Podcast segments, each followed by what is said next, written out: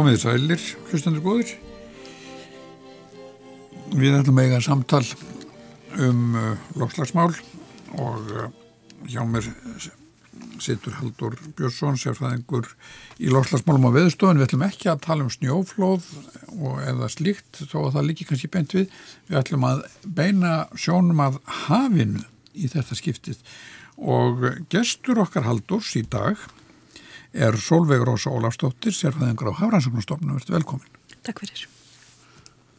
Já, sæl, Solveig, það er kannski besti ég byrjaði að segja smá deili á þér. Hérna, þú leiðrætti með það í ferrand með, þú ert efnafræðingur frá Háskóla Íslands með mistaragráði í hafefnafræði og hefur verið á Hafró í fjórðung, aldarfjórðung og þá lengst að við rannsóknar á ferlunum sem að tengja snæringarefnum, til dæmis súrefni og koldíósíði og stýrt ymsum verkefnum þar.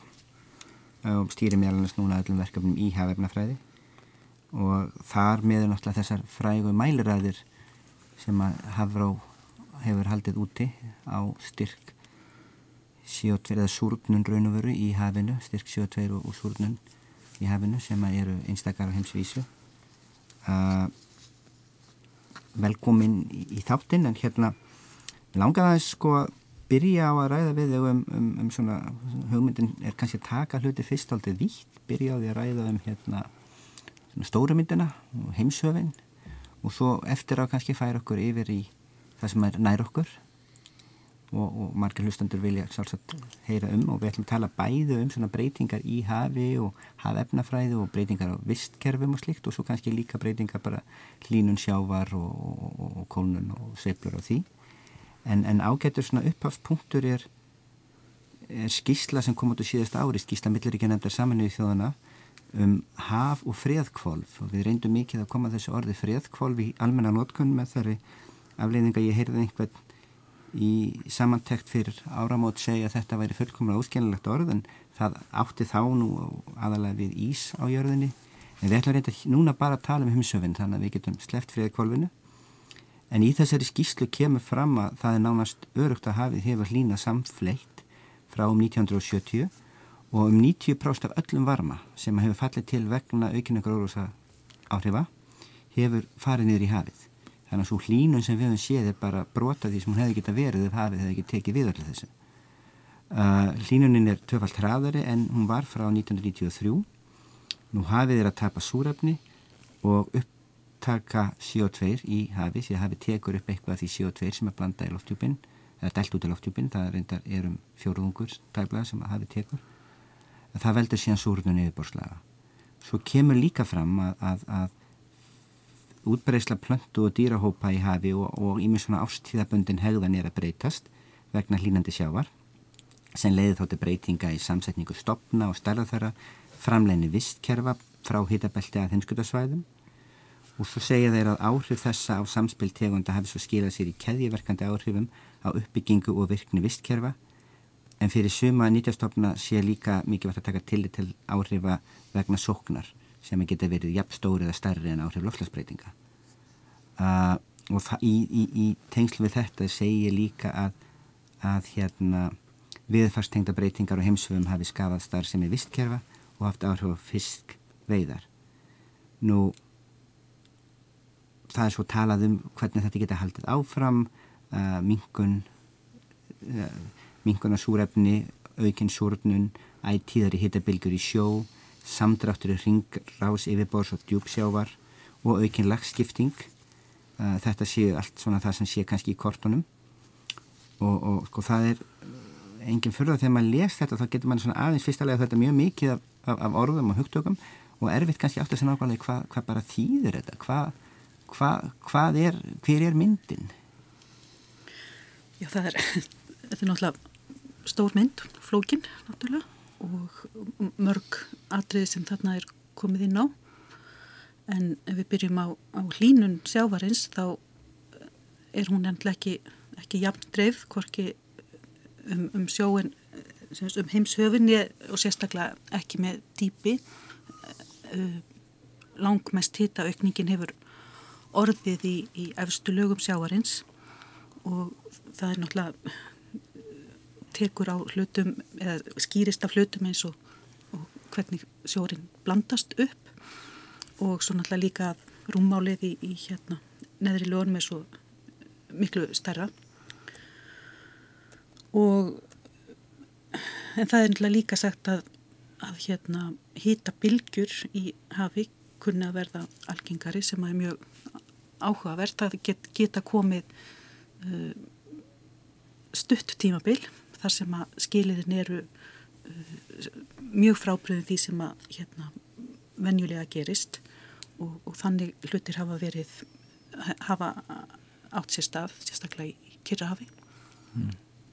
Hitta, bylgjur í hafi áttu þá við e, reynlega einhverja mikla hitt sko að, að, að ákveðin ákveðin staðir hittni mjög mikið hva, hva, hvernig hugsaður þetta? Já þá á ég við að á stöðum sem er þá kannski uh, afmarkaðir eða uh, svæðispundnir þar geti skiliði myndast til að það komi óvenjuleg hlýjindi í, í, sjó. í sjóin þannig að kannski að sjórin sé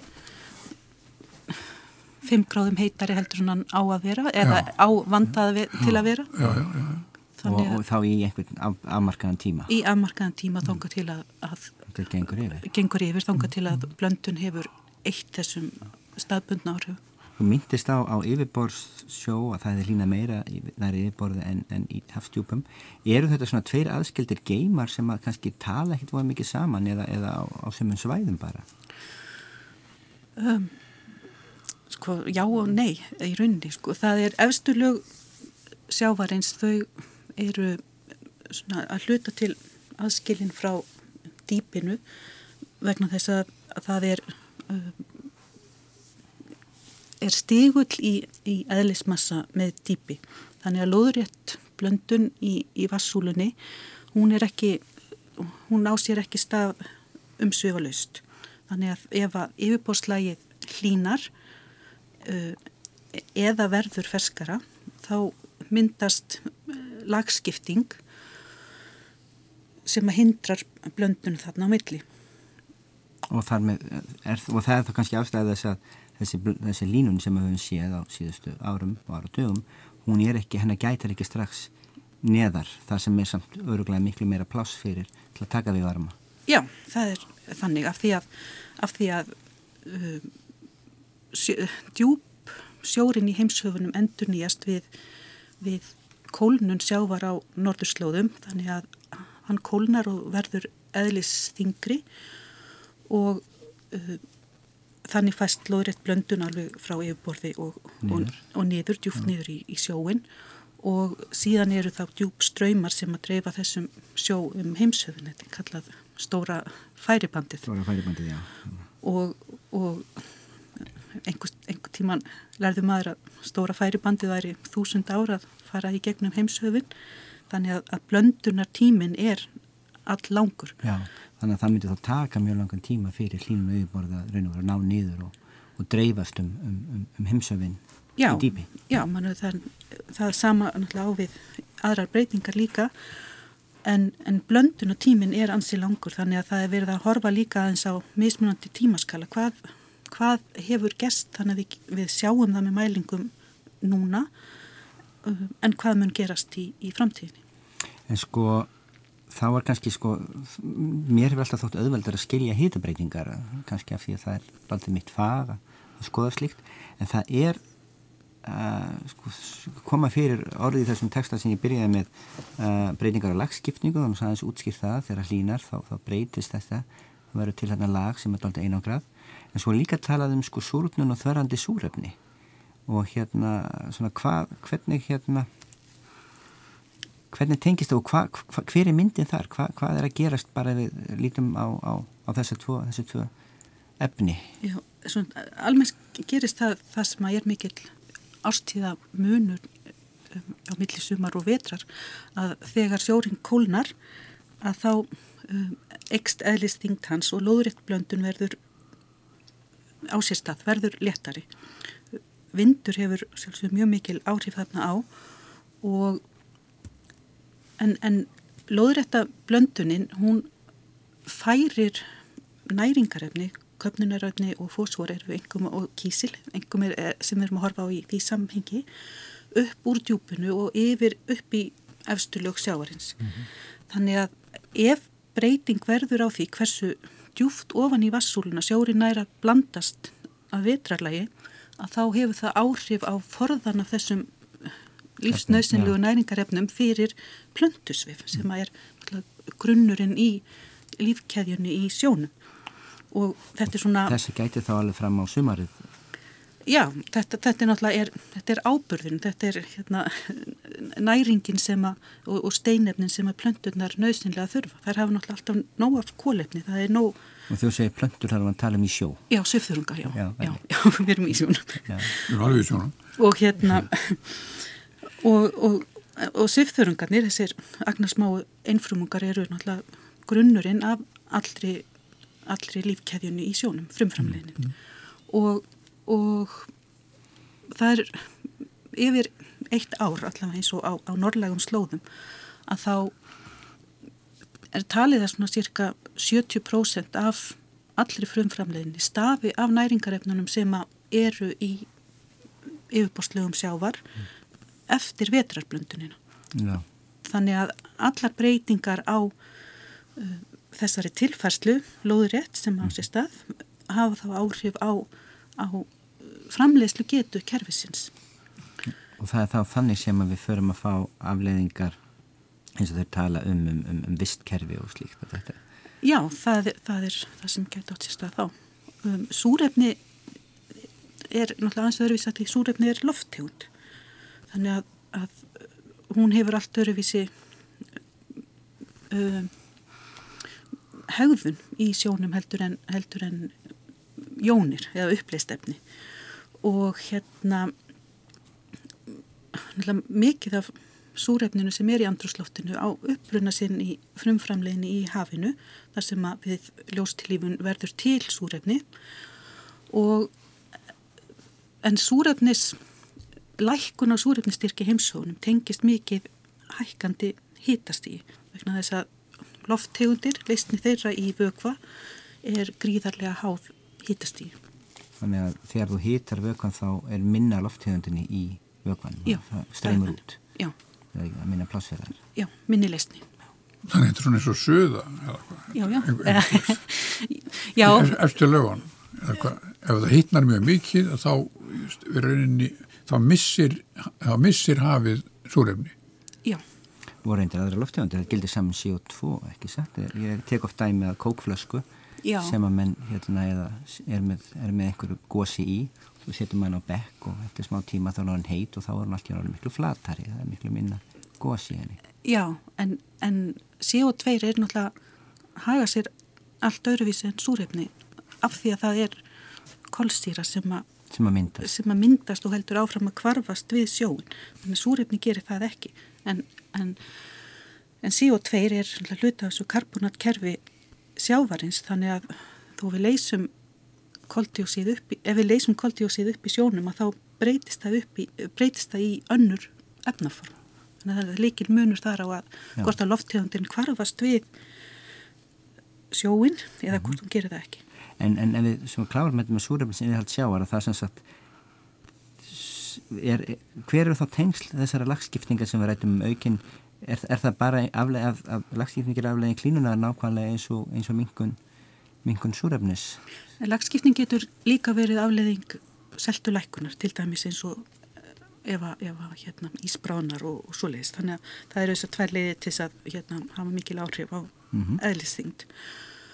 Og, og ef hérna, snerting djúpsjáarins við andrumsloftið mingar, ef að, ef að blöndunin er ekki eins mikil að þá uh, endur nýja súrefnið í djúblugunum ekki af því að eðlilega ringrásin í þessu er að þú hefur frumframleginni í yfirborðinu það, það líf, hluti af þeirri lífrænu framleiðslu hripar niður í djúblögin það sem það endur nýjast uh, brotnar eða brotnar niður aftur og notar þá súrefni. Það býr til súrefni í efsturljónum sem er í samskipti við lofttjúpin. Uh, það reypa svo niður í djúblögin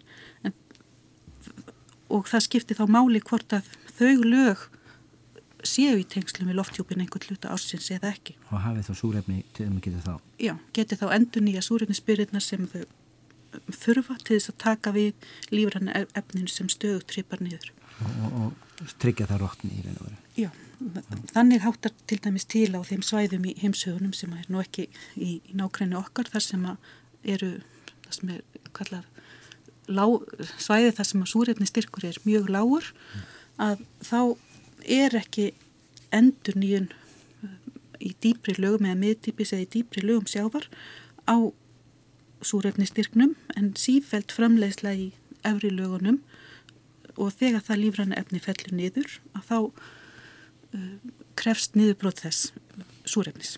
En, en, en varandi þá ef þú ert með efri lög sjávar og þannig að það hefur minkað styrku súrefni með eitthvað hafsvæði það sem að súrefni styrkur hefur fallið. Hverjir eru afleðingar þess bara, hvað þýðir það fyrir, fyrir vistkerfin og slíkt? Um, það fyrir náttúrulega eftir því hvað styrkurinn lækkar mikið. Það er, það er ekki talað um að og ekki búist við því að súrefni styrkur í, í svona súrefni smettum yfirbúrsjó sko lækki það mikið að það verði einhver undirmettun eða einhver skortur á súrefni. En, en uh, aðal að séu af því hvað gerist í dýbri lögum sjávarins. Ok, já. En þá, þá komum við um aðeins fann að ræða aftur uh, hérna þessa af, afdrif þess þegar CO2 blandast hafið eins og segi tekur upp um fjóruðum allar að losunar manna og það blandast og, veld, og myndar kólsýru í, í sjónum. Og, og þannig að aukin upptaka hún ætti að síra sjóin gerir það, og gerir það. Uh, hvað afleðingar hefur það? Hva, hva, hvað er þetta er þetta fræga vandamálum súrnum sjávar. Hva, hvað í raun og veru er það og hvaða, hvaða afleðingar hefur það? Já, já súrnum sjávar er, er hérna skilgreint frekar þröngt og er skilgreint sem breyting á sírustíi eða pH sjávarins með tíma af völdum upptöku hans á kólefni sem losað er í andrumsloftið á mannavöldum. Þannig að þetta er frekur þraung skilgreining. Og sko, sjórin er laust sem er um, það sem að sírustíinu er stýrt innan afskaplega þraungra marka með karbonatkerfi sjávarins. Þetta er svona bufferlaust ef einhver mann eftir efnaskóla mynda, eh, hérna, framhaldsskóla efnafræðinu hella því að segja um, og hérna þannig að allt lífriki í sjónum hefur þróast um langan, langan tíma. Um, við mjög stöðugt sírustig mm. og þannig að allar breytingar á því geta haft veruleg áhrif á, á lífkeðjuna í hafinu. Mm. Við það að taka stöðugt við meira og meira koldjósíði úr andrumsloftinu að þá lækkar sírustíð og efnajapvægi karbonats í sjónum það hliðrast til. Þannig það er ekki bara að pH sem er mælikvarði á styrkin á vettnisjón, það er ekki bara það að hann breytist. Súrnun eigi sér stað þá. Súrnun eigi sér stað. Heldur eru þessi efna jafnvægi þannig að styrkur á karbonatjón lækkar líka. Og hvað þýr? Hva, hvað er það að tala um það? Karbonat er önnur Um, byggingar einingin í kalk hinn er kalsjum og það er í heimsögunum er, er alltaf nóg af kalsjum að það er eitt, eitt af aðalefnum sjávar eitt, eitt, stór hluti af seltunni mm.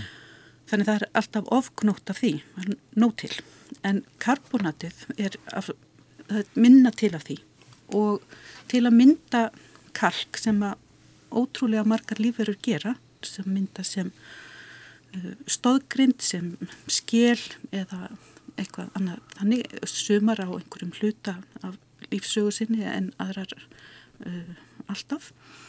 Uh, til að mynda kalkið það, það verður sem sagt erfiðara eftir því sem að styrkurinn á karbonadjóninni mingar.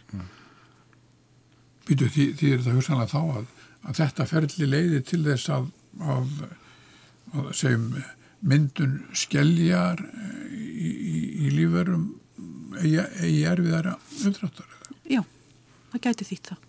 Það gæti þýtt að, að þær lífveru sem sem að mynda skell eins og bara tekið krækling eða eitthvað svo leiðs er þurfa að kosta meiri orku til mm. til að gera það eða, eða eigi almennt erfiðara með það það getur verið að þær myndi skelljar sem eru afmyndaðar á, á einhvern máta og svo framvegs. En er það, þetta gildir þá ekki líka ekki bara um kræklinga, heldur líka um bara þörunga einhvers konar ekki satt, er ekki til þörungar sem að Jú, það eru til svifþurungar uh, sem, hérna, sem að mynda kalk og það eru eiginlega í heimshöfunum stærstu framleiðendunir af, af kalki. kalki. Og þeir eru síðan tengjast, þeir eru jætnir af einhverjum skeppnum germar af fyrir. Já, já, þeir náttúrulega eru, eru hluti af, af fæðukeðinni og, og, og þá er þetta kannski komið að þessum vangaveltum um sko áhrif upp fæðukeðina þá áhrif ef að þetta breytist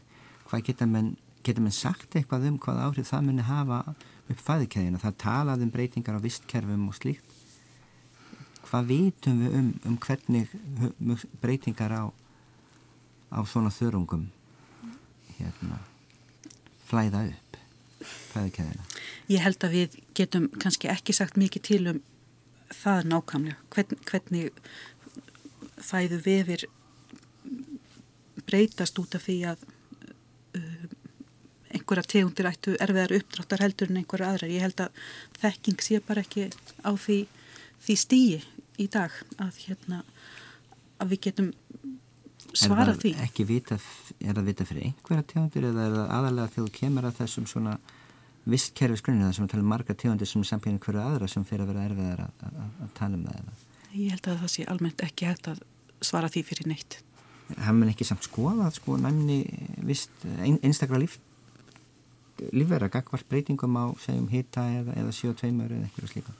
Jú, það er kannski það sem fólk hefur gert. Það hefur skoðað einstakar lífverður uh, við ákveðin skilir því. Þannig það hafa verið skoðu til dæmis á tilraunastofum eða í svona tilrauna aðstöðu út í sjó. Það hefur verið mhm. gert hvort ég má sletta það heitir kalla mesokosm og ennsku sem er þá svona það sem er eh, reynd, reynd að búa til svona tilrauna vistkerfi við eðlilegar aðstæður út í sjó. Já, og svo er því breytt að eitthvað nátt eða? Já, svo er aðstæðum þar stýrt til að líka eftir því sem talið er að verði í, í framtíðinu. Þetta hljóma er ekkert ólíkt því sem vorum að tala um í síðasta þættið, við vorum að tala um hvernig maður breyta hérna vakstarskilirðum trjáa eða annara planta, plantna í, í, í tilrunaskinni í tilrunaskinni á, á landi þá, sko. Já, ég held að þetta sé, sé svipuð hugmynd sem þarna býra baki og þó svo að, að þetta sé nú kannski aðeins annað forma á þessu þegar þetta er út í sjó mm.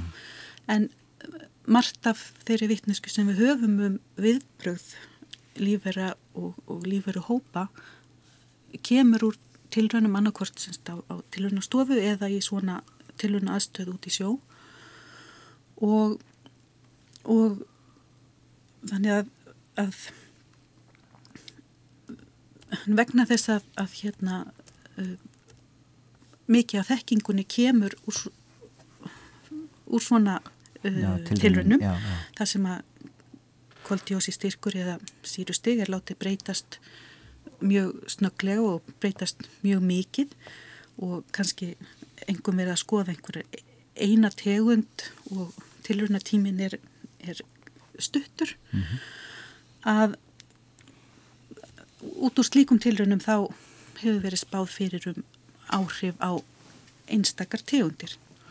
En, en hvernig við, það kannski blandast þú að koma með margar tegundir? Já, en að, vegna þess að vittneskan kemur úr svona tilrunum þá veitum við kannski lítið um um hvernig samfélagin bregðast við, hvernig, uh, hvað gerist ef eitthvað tvent breytist einu, kannski sírustig og hitastig, hvernig er það fræðilega mismunandi stopnar eða samfélag bregðast við eða hvernig áhrif þetta kann að hafa á útbreyslu tegunda og svo framvís. Ég man eftir að hafa sé grein eftir eitt kunningi minn þar sem að verðum að skoða ákveðna tegund af, af, af hérna, þurrungum sem að hann var að skoða alltaf marga þurrunga og, og þá kemur að því að sko sumir eru næmari en aðrir og þegar að skilir þið versna þá eru þeir næmustu sem að eiga erfiðast uppdráttar og hinnir þá geta þanist út á kostna þeirra. Ég hef stundum tekið dæma þetta sé eins og félagarnir tveir sem voru að labba í og sér einn gett í sléttunni og sáu ljón svona fara að ganga í humáttu eftir þeim og sleikja útum og þá fór annar og tók upp hlaupaskó og hinn sagði býta ætlar að hlaupa hraðar en ljónið, þú gerir það nú ekki en ég ætla bara að hlaupa hraðar en þú Já. og þetta sé svona sambarilegt að, að meðan að ástandið er að breytast þá sé það þannig að sumir jafnvel þó að þetta sé vond fyrir þá þá er það, geta þið samt sem áður er, er þetta græða þeirra þessu af því að aðrir eru versettir Já, þetta gæti haft verulega áhrif á, á innbyrði samkeppni tegunda. Þannig að, það, ef, að því þú varst að tala um svifþörunga þá eru svifþörungar náttúrulega þeir bú, búa við takmarkaða öðlind það er takmarka frambúð af næringarefnum. Mm.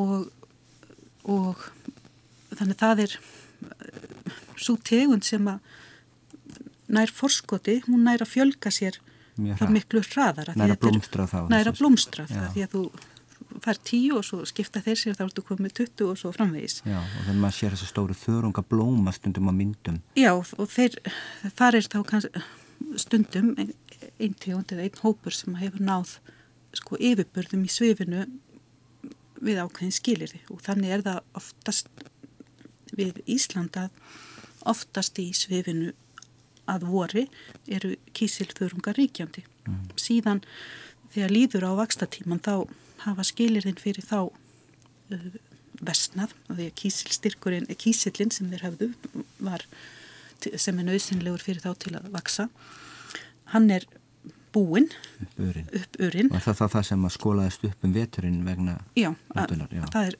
það sem að hérna, lóðrættablöndurinn veturinn og undan skilaði upp. Og, uh, og þá taka einhverjar aðra tíundir við. Og, og þetta er það sko, nú, nú segir í þessari skýslu sem ég vittnaði í að, að, að þetta hafi sagt, alls konar hlutir framleginni vistkerfa frá hittabelta heimskutasvæðum hafi breyst, er þetta þá hluta þeirri mynd að, að þessar umhverfisbreytingar eru farnar að breyta svona hlutum?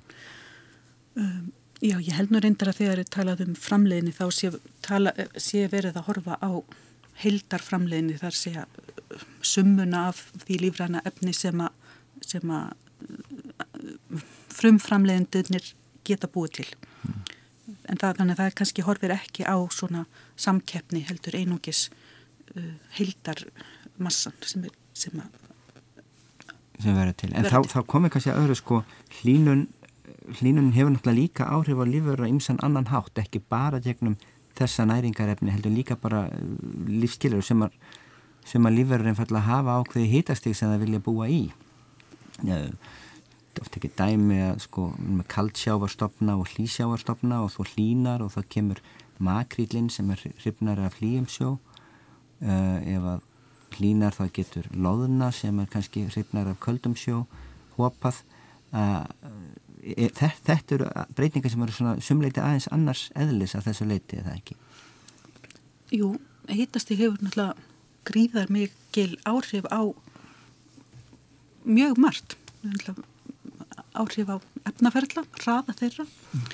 og hefur mjög mikil áhrif á lífverður hvað er heitt í umkörnum þetta vitum við mm. en, en samspil nú getur maður ímynda sér að, að, að það gæti verið snúið fyrir þá sem er að rannsaka í rauninni þessa þróun það getur snúið að átta sig á samspili allt svo hlínunar á, á al, í alheiminum þessum eða okkar planetu og, og svo reynilega nýtingarinnar þar að segja áhrif sko, mannanna beint á, á, á lífkerfi sjáar. Er, er, er þetta samspil, sko, þetta hlýtur líka að vera ákveðið kannski alltaf viðkvæmdmál? Þetta er náttúrulega reysa, reysa stór spurning mm. og, og hérna og þetta við alla nýtingu er þarf að huga að bara náttúrulega ástandi stopnana mm. og, og hérna inn í, inn í líkonum um nýtingu er náttúrulega tekið tillit til umhverfist átt að einhverju leiti. Kanski þegar við fann að tala um nýtingu þá kannski ráða að færa okkur aðeins nær heimaslóðum því að þetta kannski aðeins líka geta rætt nýtingu í, í því samhengi. En sko og þá er líka kannski ágætt að fyrir um búin að vera aðeins að tala um sko hitasteg og áhrif hitastegs á, á stopna og slíkt að, að hérna þú náttúrulega vinnur á Hafarasknastofnun sem að er stoppsett 1965 og hérna eða hérna allavega forverið þeirra stopnuna sem þú vinnur á núna. En og á þeim tíma sko frá þennu stopnu þá hafa, hefur við gengið í gegnum hitaskeið og kuldaskeið hún byrjar í tiltölu að köldum tímabili, það er hérna köld ár strax eftir 1965 hafís árin allavega einstaklega köld. Og reyndar sko allavega svona á landi helst nú kallt framöndu 1979 sem var líka síðasta svona alveg hafís árið á Íslandi. Og svo fyrir að hlýna eftir það og, og í hafinu sérstaklega eitthvað sem við ræðum í, í vístast gíslan loftlagsbreytingar að þar hérna er umtalsverð hlínun svona upp úr miðjum tíund áratögnum og verður eins og komi inn bóstala nýr sjór með, með, með bæri hlíturi og saltari. Og hérna og þetta hefur síðan áhrif á, á kerfið í, í heilsinni að og þá er kannski sko, ágætt að velta þessu fyrir sig hvaða, sko, ef, við förum aðeins nær og við hefum sagt að þessar stóru umhverfisbreytingar hafi vegna súrnunar, vegna hlínunar aðeins kortleiti hverja þar eru hvað og, og svo að lífverur hafi svona ákveði hita, ákveðin preferens fyrir eða ákveðin ákveðin hérna, hita steg sem þar vilja helst vera í. Og, og hér við landi gangum við, gangum við gegnum verulega sveiblur í, hita og hita fari hvaða áhrif hefur þetta haft hjá okkur á, á bara svona frá, frá því að þú byrjar að vinna eða, eða? Já, þetta, þetta náttúrulega hefur gríðar mikil áhrif á eiginlega allt það sem við erum að skoða og Hafnarsnúrstofnun er eins og sagði stopnuð árið 1965 en hún er stopnuð á, á grundvelli fiskidildar, atvinnidildar háskólas eins og það hétt og þannig að svona eldstu aðtöðanir sem við höfum á, á hýta og, og seldu við Ísland þær eru alveg frá 1950 og við höfum alveg frá þeim tíma verið með mælingar á, á hérna syklunni sniði eins og við kallum það þegar mæli röð mæli, mælistöð var norður frá syklunni sig þannig að, að frá 1950 þá var til svona 1962-3 eða mm. svo, þá var í rauninni hlýtt og hérna en síðan koma hafisárin og ástandið mjög breytilegt alveg þanga til í kringum 2000 mm. þar þegar varð mjög skindileg breyting engum í hlýjasjónum fyrir Sunnaland og, og Vestan þar sem að hitin hækkaði um, mikið og snögt og það er ekki talið hlínun út af lofslagsbreytingum, það er hlínun vegna þess að sjórin uh, á sér aðeins annan uppruna þannig að kemur sem stundar úr Allandshafi. Aðeins annar sjór sem er að koma inn, hlýri sjór. Að, já, og hann er líka saltari. En, en og hafði það þá áhrif hvaða áhrif hef, hafa svona breytingar í, í vistkerfinu hjá okkur? Um, úr þeim gögnum sem við eigum þá sjáum við tölvera breytingu á, á útbreyslu um, getum tekið útbreyslu Ísu til dæmis mm. hún hefur breyst og við erum að sjá fleiri hlýsjávartegundir fleiri... Þetta er þá tegundir sem kannski voru þá við suðuströndin að færa sér norðu fyrir eða? Já, og, og svo eru líka svona það sem kalla flækingar svona, sem eru þá enþá sunnar úr hafinu ættaðir mm. þeir hafa orðið hafa, hafa fundist tegundir sem ekki hafa fundist í rauninni áður hafa fundist og en hins vegar á kaldsjár tegundir eins og loðnu og þá hafa göngurnar breyst mm. og hún gengur ekki loðnu göngurnar uh, eru með öðrum, öðru lægi heldur en áður Já. og er þá sko þegar við heyrum núna um um loðnubrest eða eitthvað slíkt er það, það þá eitthvað sem á reyka einhver leiti til þessara breytinga þar sé að loðnun, loðnun er ekki að koma á sama stað að hefðu sem sem gerði áður sko, þessari spurningu höfum við kannski ekki svarað til fullnustu en jú það er talið að þetta tengist umhverju skilunum. Já og það er kannski sko eh, rætum þetta aðeins í, í síðasta þætti þá, þá, þá var bent á benti bjarni á hérna sandsíli og áhrif þess á sjóföglastofna og það væri tengt umhverju spreytingum og svo sem verið færður auk fyrir því líka. En, en, en við sjáum þetta líka í aðkomstofnum eins og, eins og minnist á og, og kannski frægast aðkomstofnin þessi árin er, er, er makrýlinn sem hefur gert strandtöki í Íslenskri landhelgi eða svo maður segja. Já, makrýl hérna veiðist núna í kringum landið en, en gerði það ekki er ekki kannski alveg með þá reynu kvinnar hvernig hann fór að veiðast það er svona Já, það er eftir aldamót Nei, það, það er kannski 2010 til 12, 13 eitthvað svo leið sem að fyrir að verða þessar stóru göngur fara að, að koma, koma. Já. en já, makrill var ekki nýtjaður við Ísland fram að þeim tíma En, en þá sko svona stóra myndin samt er, er þá að, að, að fyrir Ísland að við erum að sjá hérna umhverfisbreytingar norðan við landið og, og, og hérna hlýsjór sem kemur upp á Suðurlandi og, og Vesturlandi að hversu miklu leiti sko er mögulegt að þetta gangi tilbaka og við förum bara aftur í, í, í, í ískalt skeið eða, eða gera menn velta með því fyrir sér hvort, hversu mikla breytingar þessu verði og, og það má líka velta ég mann eftir að í loftaskíslu sem gefur nú 2000 og 2008 þá er aldrei rætt um, um breytinga við Grænland því að þegar allans þorskstofnin við Ísland var upp á sitt besta var hann að fá göngur frá Grænlandi og er, er þetta vangaveltur sem henn eru aktíft að velta fyrir sér hvað séu líkur á að breytist? Já það er náttúrulega þetta er rannsóknar spurning sem við erum endalust að fást við. Og, og hérna við vitum það að, að við erum á svæði þar sem ástandið í hafinu er söplukjönd og breytilegt. Mm. og, og hérna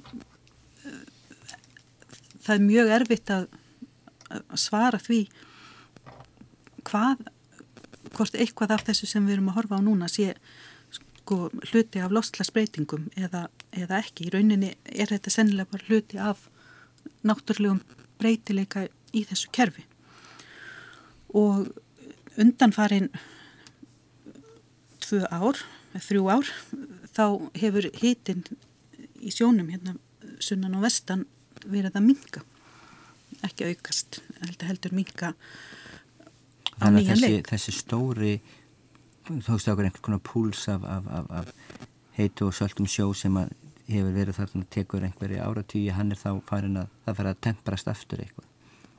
Já, nýjustu mælingarnar hafa sínt það en við veitum náttúrulega ekki hvernig það verður næstu árið en eitt svo leiðis en þetta er það sem að hefur verið að, að þessar niðurstöður hefur við séð að undanförnum. Mm.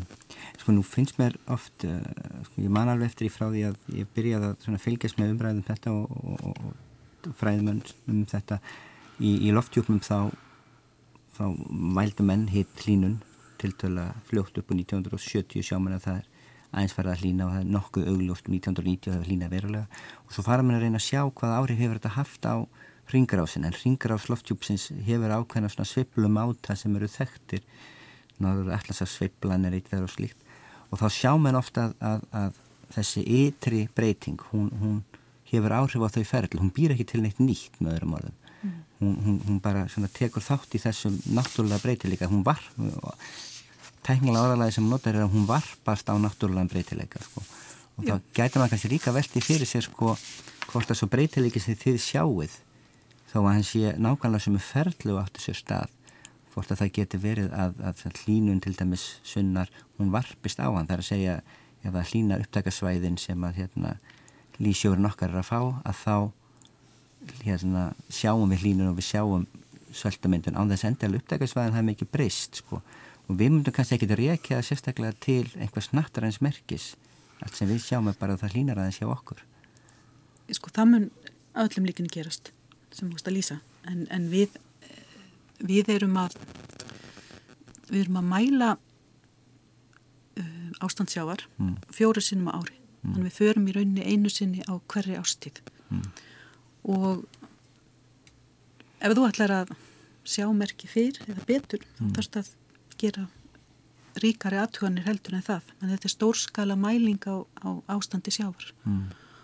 og við förum sem sagt í februar og svo í mæ og um sumarið í ágúst og svo um höst þannig að þessar fjórar mælingar yfir árið er kannski duga nú ekki til að sjá svona fínesutnar í þessu kerfi eins og kannski er hægt að gera í lofthjúpnum. Já, en hérna, þá er sko samt, það er mjög áhugavert að því byrjum að ræða þessu skýslu milliríkjanandar þar sem er rætt um ímiðskona hluti, afleðingar á lífríki og nittjastofna og fleira. Og, og maður veldur það aðeins fyrir sig sko hver er framtíða myndir, hún er búin að segja að það er súrnun í gangi, það er súrefniskortur í gangi, þetta hefur áhrif að vistkerfi, það er alls ekki á hreinu hvernig þau áhrif spilast út. Að sko í, í skýslu vístanendar er mjög oft lögð áhersla þessum tveimur sem ég hef komið að er lögð áhersla á að, að stýring á nýtingu er, er kannski eini, eini, eini mótvæðisaðgerðin sem við höfum sem að, sem að mun döga hvort þetta er. Kannski höfum við ekki mörg önnur tóli í, í kistunni sko, í verkværakistunni eða hvað? Já, við náttúrulega, við náttúrulega stýrum nýtingu. Við, við hérna, Hafrasónastofnun veitir ráðgjöfum nýtingu svona cirka 30 nýtjastofna á ári hverju þannig að, að nýtingunni er náttúrulega stýrt. En kannski að koma inn á eitt sem að líka er í þessari skýslu vísin, mm -hmm. vísindanemndar innar um, um hafið og sem er mjög mjög finnst áhugavert. Og það er hvenar við sjáum áhrifin. Þannig að við getum spáð fyrir um það að hver áhrifin verða en hvenar þau koma fram þannig að þau séu séu áþreifanleg mm. sá tími, hann er hann er breytilegur. Og um, súrnun sjávar er eitt af þessum áhrifum sem við sjáum nú þegar. Við, með mælingum getum við sínt fram á að, að þetta virkilega er að gerast. En, en það tekur kannski 30 til 100 ár í, í, til viðbútar til að ímis önnur áhrif komi fram eins og til dæmis áhrif á, á súrefnisinni heimshafana, áhrif á, á næringarefni sem eru, eru hérna til bóða fyrir svifþörunga í mm. efstu lögum og þar að leiðandi frumframleginni í heimshöfunum og svo framvegis. Þannig að það, þetta gerist á mismunandi tímaskul og, og, og þegar við komum að súrnun sko maður kannski afgreða það fyrst sko hvað er til ráða til þess að hæja súrnun eða stöðva súrnun sjávar? Um, það er náttúrulega mjög einfalt að minga lósun gróðrúsalaftíðanda það er nú kannski ekki svari sem þú ert að hökva eftir hér um, sjórin mun halda áfram að súrna nú þegar, eða semst miða við það koltjósið sem er í lofttjúpnum mm. þó svo að þú myndir stoppa alla losun þannig að það mun halda áfram að súrna í einhver ár eftir að eftir að losun er minguð mm. eða stöðuð ja. um, ég held að það sé kannski ekki mikið hægt að gera annað heldur en að huga vel að hvaða áhrif þetta kann að hafa og, og bregðast þá við í nýtingar á allunum reyna að stýra nýtingu, reyna að stýra nýtingu á móti. En, en þá kom við ef, ef þú ert að hugsa þá kannski um það sem að snertir svona efnahag og, og, og svoleiðis. Þannig að þá, om að segja þessar umhverfsbreytingar það gera það ennþá mikilvægara að við förum varlega með þá auðlind sem við höfum og stýrum nýtingu á henni. Já, það held ég. En eru áhrifin alls og þau koma þá eins og setna fram þetta er oft nóttu þessi líking með stóra skipið að takja tíma að snúa því. E, það sem það sem menn er að reyna að gera til að draga úr losunum gróður og lofttegunda á landi eða í lofthjúknum áhrifin af því allt svo eru lengi að koma fram og jáfnvel eins og þú nefndir jáfnvel nokkur ár eftir að text, segjum að tækist að að mingalósun, að þá væri það samt það gerist ekki um, það, er ekki, það er ekki eins og skrúið fyrir krana. Nei, það er á því að, að upptaka sjávarings á koldjósið verður í, kringu, í gegnum yfirborðið. Já. þannig að þarna spila eh, inn í eh, ferli sem að eru sem tengjast jafnvægi styrk og, og jafnvæginu á milli lofttegundarinnar í sjónum og svo í andrusloftinu Það hefur verið, ég hef hirt rætt um sko að, að ef að hérna þessi náttúrulega stopnar sem mann er að sækja í ef að þarf að tempra nýtningu þeirra þá hafa mann líka rætt um bæði Hérlandu og, og reynda að sé þetta í Suðustur Asju fjallaðum um hérna aukninga á einhverju rækt. Það er vel mikið að tala um einhverja svona skeldýri eða eitthvað slikt en, en hér getum við líka hugsað okkur bara lagsveldi eða fiskaldi eða, eða annað, annað eldi. Er það einhver, einhver möguleiki þarna er það ekki alltaf stýrðara kerfi ef þú ert með fiska í, í, í einhvers konar hérna, þró frekar en stóra útafið Jú, það er það, er það náttúrulega.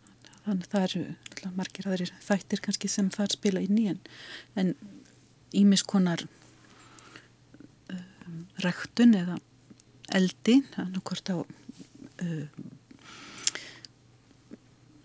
skeldýrum eða, eða á þara. Mm. getur alveg verið hugsanleg. Já, það, þetta er og það, það er alveg veltaði fyrir sig og við erum náttúrulega fiskveið þjóð og, og hérna, þetta hluti mjög mikið af okkar, okkar menningu. Og við búum við mjög, mjög raun og veru sveplukent kerfi, þetta haf sem við búum við og hér hefur hlínað og, og kólnað og gegnum aldir og, og ára tíu. Og, og maður svona veldi fyrir sér er hver sé að því við erum svona farin að nálgast nálgast hérna tímamörkjun okkar? Hva, hvort, hvort þú sjáur fyrir að þetta muni halda áfram eins og það hefur gert eða hvort það séu svona einhverjar áskoranir sem að þið finnist mikilvægt að, að, að takast á við? Já, ég, það er náttúrulega það er náttúrulega er æri verkefni að halda þessari vöktun áfram á ástandi sjávar. En það er kannski stórt verkefni sem að náttúrulega margir og margir kollega mína vinna að er að, er að útskýra samspil umhverfis og, og tegunda og, og svo framvegis. Og það náttúrulega er kannski líkill að því sem að þú ert að, að spyrja um að skilja svoleiðis hluti betur heldur en við gerum í dag Já, ég held að ég held að þetta standa sem loka orð í, í þessu samtali í dag. Solveig Rósa Ólafsdóttir sérfæðingur á Hárandsóknarstofnun Takk að þið kærlega fyrir að setjast með okkur heldur bjössin í dag. Takk sem leiðis